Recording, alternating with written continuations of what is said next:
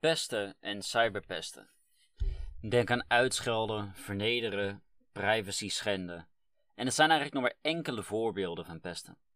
En het is iets waar ook ik veel van heb ervaren. En gelukkig doe ik het tegenwoordig niet meer zoveel. Maar het is er meer dan genoeg geweest. Het was vooral ook in de tijden dat ik mensen minder goed snapte, meer risico's nam. Dus daardoor heb ik al een versje meegemaakt.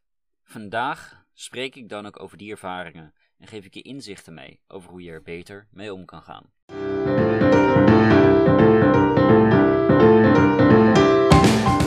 Mijn naam is Damien Hogenoren en ik ben een van de jongste jongere coaches en ervaringsdeskundigen van Nederland. Welkom bij de podcast en laten we direct starten. Als klein kind was ik anders. Ik was immers behoorlijk ondergewicht, broodmager eigenlijk, ik at amper. Ik was muzikant en dat terwijl de rest van mijn klas of een voetbal deed of een volleybal. Geen voetbal als de jongens, geen volleybal zoals de dames. Dus daar lag ik er al buiten. En oké, muziek maken, dat vond en vind ik nog steeds hartstikke leuk om te doen. Maar op dat vlak viel ik dus per direct buiten de boot. Want ja, ik was anders, ik deed andere dingen en... Daarnaast heb ik om heel eerlijk te zijn ook best wel wat last gehad van mijn autisme als kind. Van Asperger. En daarvoor kreeg ik dan ook heel snel al vele trainingen van SOFA, dus sociale vaardigheden trainingen, uh, groepstherapie, eigenlijk van alles en nog wat wat er voorbij kwam. Heb ik heel veel gesprekken gehad met therapeuten, dus de psychologen, psychiaters, uh, van alles en nog wat ook wat daar voorbij kwam. En het was in eerste instantie om het pesten te bestrijden en ook om beter te weten hoe ik met mezelf om kon gaan en met het pesten om kon gaan. Maar later ook om mijn trauma's te gaan behandelen. Zoals bijvoorbeeld het overlijden van mijn opa in 2010.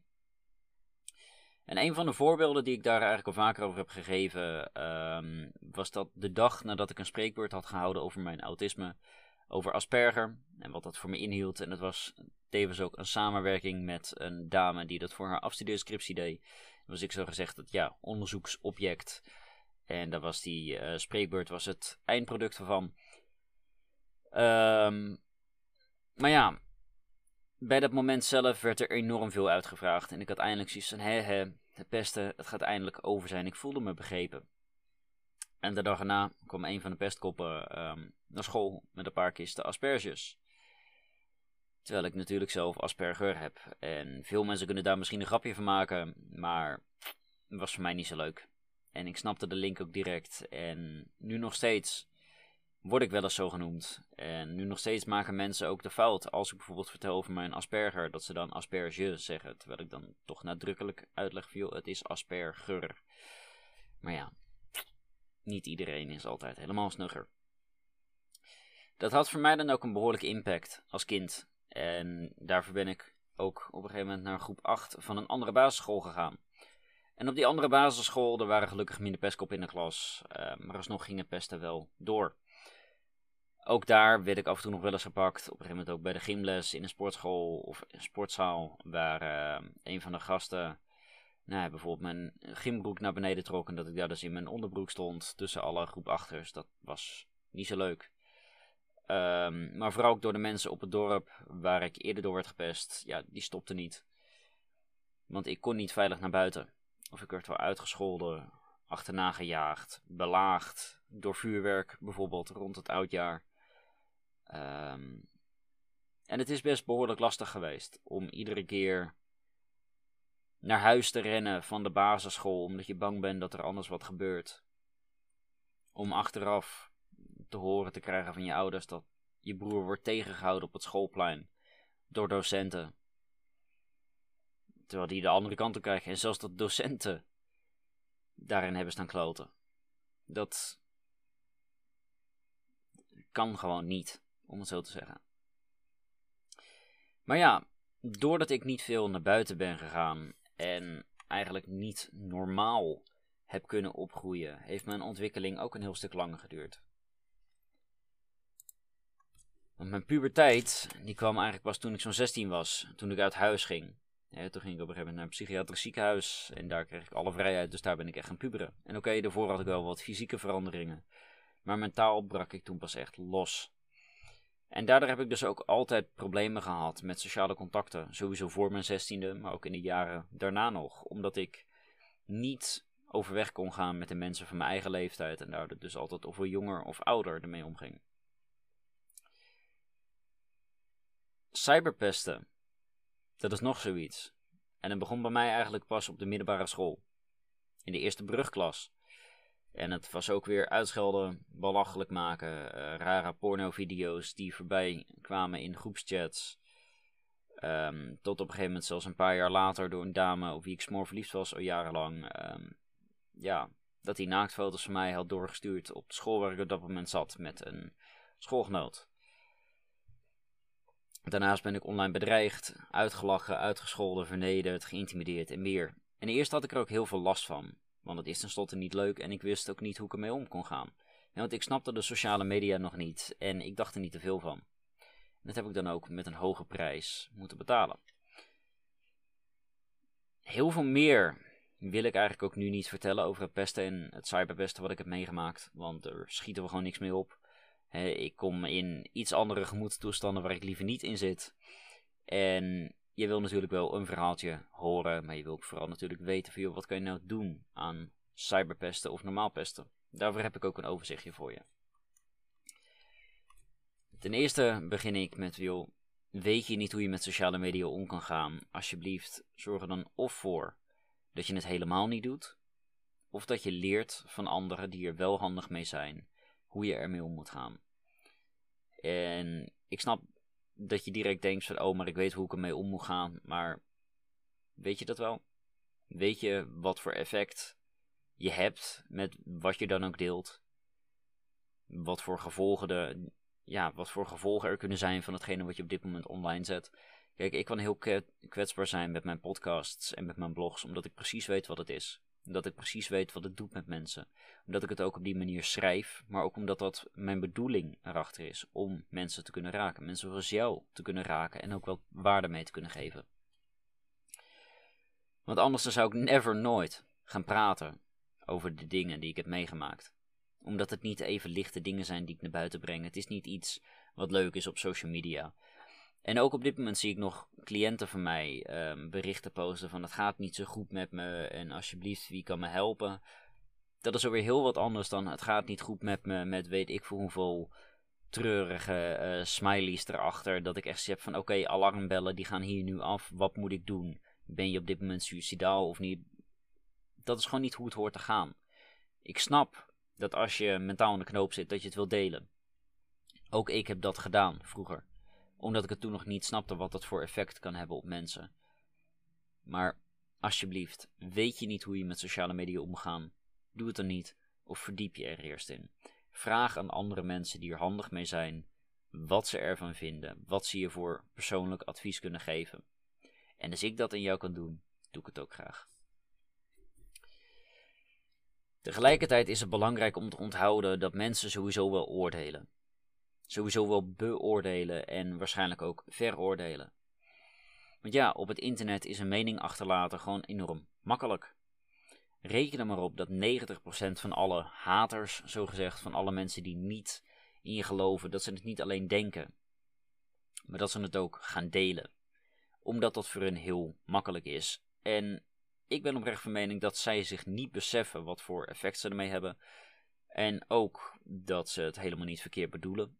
Maar ja, weet je, het is toch aan jezelf om er dan weer om, mee om te gaan.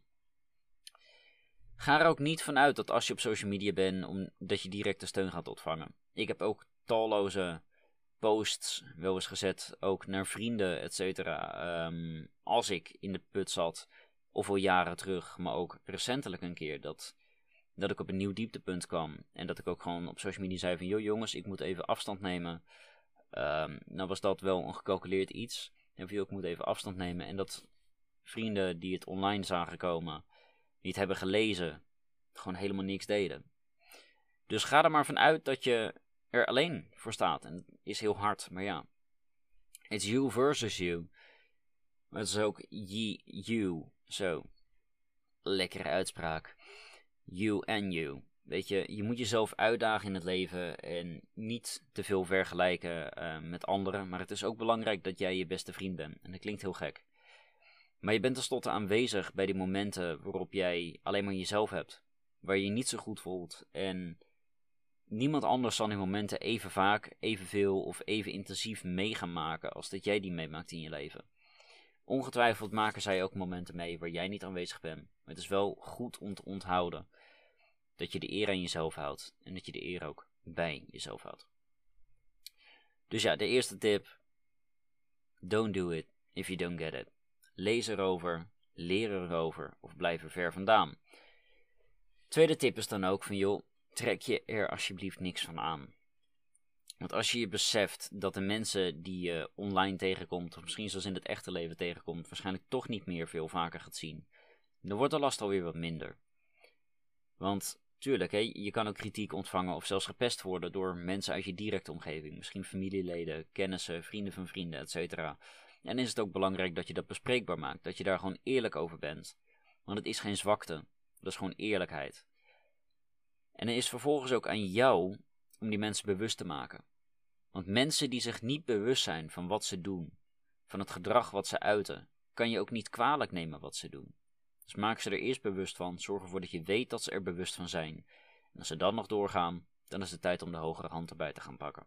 En ook daar vind je ongetwijfeld wel een manier in. De derde tip van vandaag is eigenlijk heel vanzelfsprekend. Werk hard aan jezelf. Als ik van mensen te horen krijg dat ik in slechte vorm zou zijn, en dat was een aantal jaren geleden zeker zo, dan kreeg ik dat ontzettend vaak te horen, dan liet ik het me toen frustreren. Daar baalde ik ervan. En dan ging ik juist binge eten. Ging ik juist nog meer in het probleem zitten dan waar ik al stond. Tegenwoordig, als mensen shit naar me gooien, om het zo te zeggen, gebruik ik het ook als motivatie.